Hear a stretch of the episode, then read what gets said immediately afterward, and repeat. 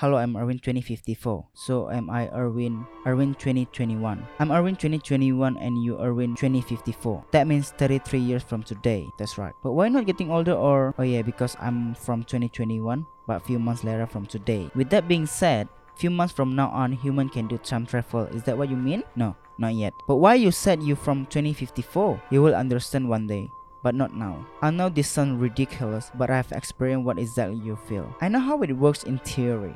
Look across your window. There is one woman with white dress will pass your gate and she will stop and look at the window with smile and carry on her way. Wow! So precision. What else? The only thing that I could say is that I'm coming from 2054. So what bring you here?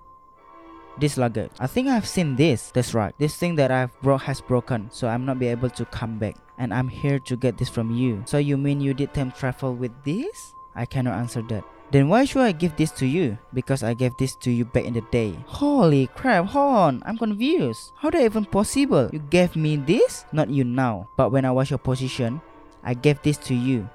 So in order the timeline not messed up, you gotta return it to me. Then take it. Don't kidding me. We don't have that much time. Anyways, I'm not interested to see the future.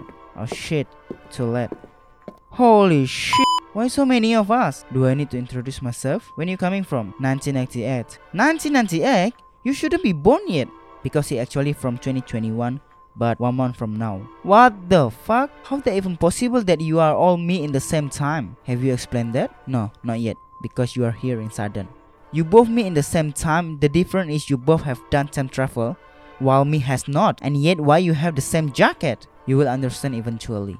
Then what bring you here? To check something from you. Hey, I asked it first. Don't give it to him. Shut up. My future, my past, I don't care. What you are looking for is not here. What do you mean not here? I've checked upstairs, but nothing. Hey, what will happen if I open this luggage? Don't do that. It's already broken. Too late.